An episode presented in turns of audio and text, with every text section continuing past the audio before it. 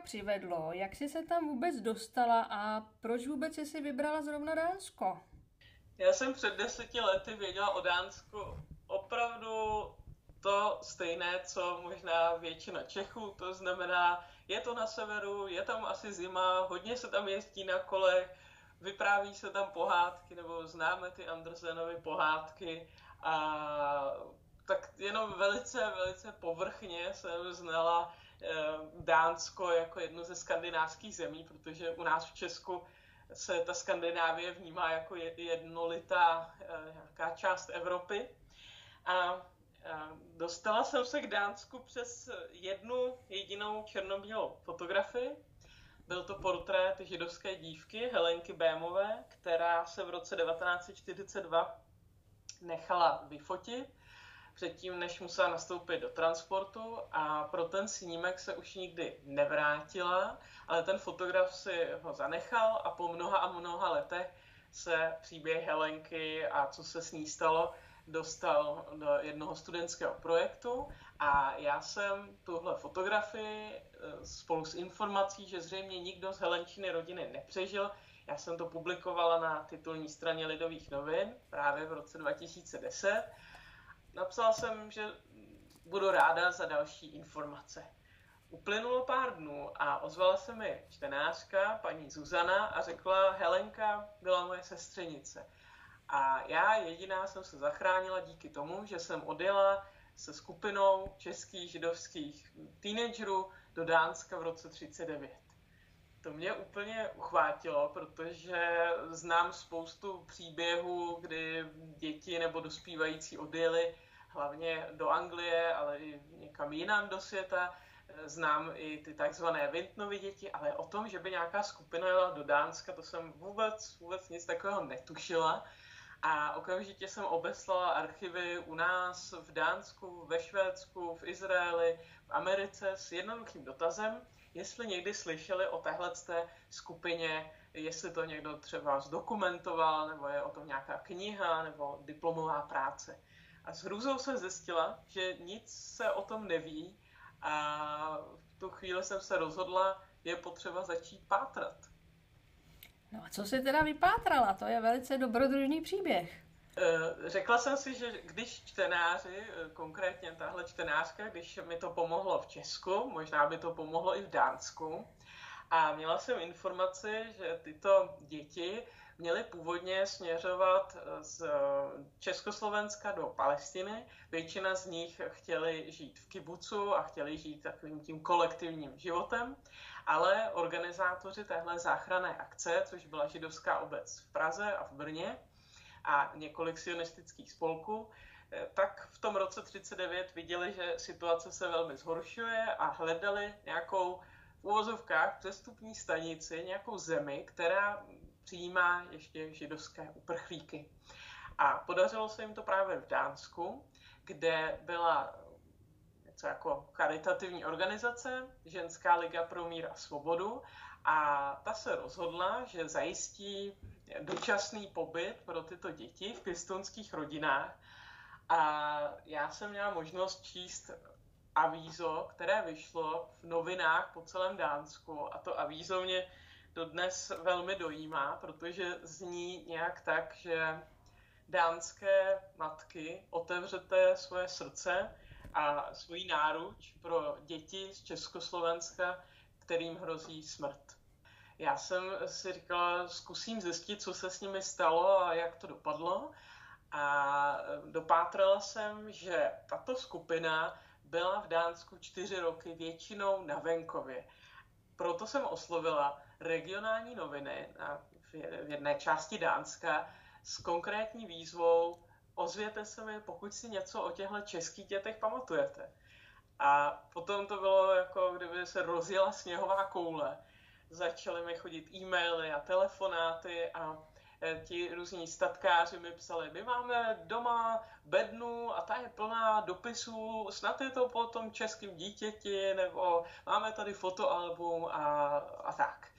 Takže to byl start v Dánsku, podobně jsem pátral ve Švédsku a abych to hodně rychle zkrátila, během několika let se mi podařilo stopovat všude možně po světě 30 těchto těch v úvozovkách dětí, tehdy 90-letých pamětníků a to byl ten začátek, proč jsem jezdila do Dánska, že jsem nahrávala jak příběhy těch českých dětí, pamětníků, tak eh, jejich pěstouny nebo e, příbuzné těch pěstounů.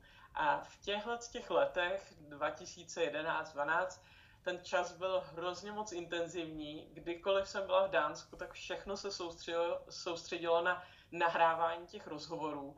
A tak nějak periferně jsem vnímala tu dánskou společnost, že jaká je a jak se dánové chovají, ale moje hlavní zaměření bylo na ty rozhovory. Až pak v pozdějších letech jsem začala jezdit do Dánska i kvůli tomu, že mě zajímalo, jaká jsou tu muzea, eh, co je tady v galeriích a vůbec celkově chtěla jsem víc pochopit tu dánskou společnost. No a z toho tvého pátrání vyplynulo, že dánové byli otevření a s respektem k ostatním už během té války? Bylo to vlastně to, proč ty děti přijali, nebo tehdy to bylo trošku jinak? To je taková otázka, kterou dostávám docela často, protože uh, hodně eh, lidí, když mám někde přednášku, tak si to trochu právě spojují s tím uh, příběhem Nikolase Vintna a těch jeho uh, kolegů a pomocníků a pomocnic a ptají se mě, jestli to bylo stejné jako v Anglii. Ten rozdíl je hodně velký, protože ty děti, které odjeli do Dánska, tak téměř všechny se znali už několik let, znali se, eh, chodili do stejné školy a do stejných těch sionistických spolků. To, že odjeli do Dánska a mysleli si, že tam budou nějak pospolu, to, to, to oni se na to vlastně dost těšili. Ale co se týká těch pěstounů a vůbec té symbiozy eh, děti, spíš dospívající, bylo jim 14, 15, 16 let, byl to takový dost eh, kontrast, protože některé ty pěstounské rodiny si zkrátka takovouhle ne levnou pracovní sílu, ale zdarma pracovní sílu, tak eh, jim se to hodilo, protože když máte hospodářství, eh, tam každá ruka noha dobrá, takže mohly tam být tyhle ty motivy, že potřebovali nějakého pomocníka, ale byly samozřejmě i rodiny, které to udělaly čistě z těchto z těch humanitárních důvodů, že to vnímali, to ohrožení a chtěli někomu, někomu pomoci. A já když jsem dělala rozhovory v těch pěstounských rodinách, většinou už to byli potomci těch pěstounů. Eh, samozřejmě přišla řeč i na to, jestli by dnes se ujali třeba nějakého dítěte někde ze Sýrie nebo z Afganistánu. A e, zase se vracíme k tématu, které jsme probírali v jiném příspěvku, a to je téma pravidel.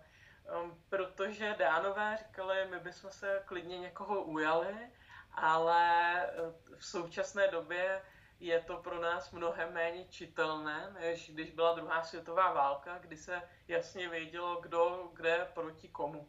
A takže nebylo to úplně tak jednoznačné, těch pěstounských rodinách, že říkali, za války eh, jsme to chápali, tu pomoc a chápali jsme, proč a komu pomáháme, ale teď je to trošku jinak.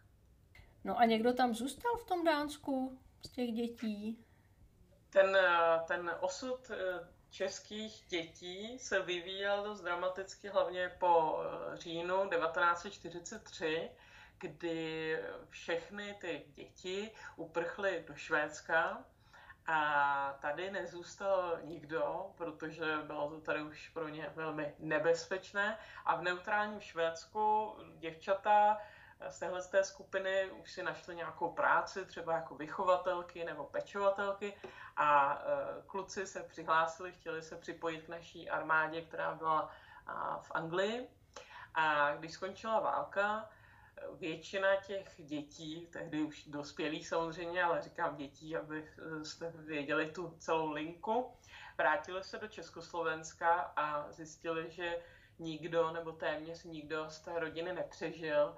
Asi, asi tři potom odjeli do Dánska, dva do Švédska, v Česku jich zůstalo třeba pět nebo sedm a eh, hodně jich odjelo právě do Palestiny, dnešního Izraele, Někteří odjeli do Ameriky, někteří do Austrálie, takže ta skupina se všemožně tak rozdělila. A je v dnešní době židovská komunita v Dánsku?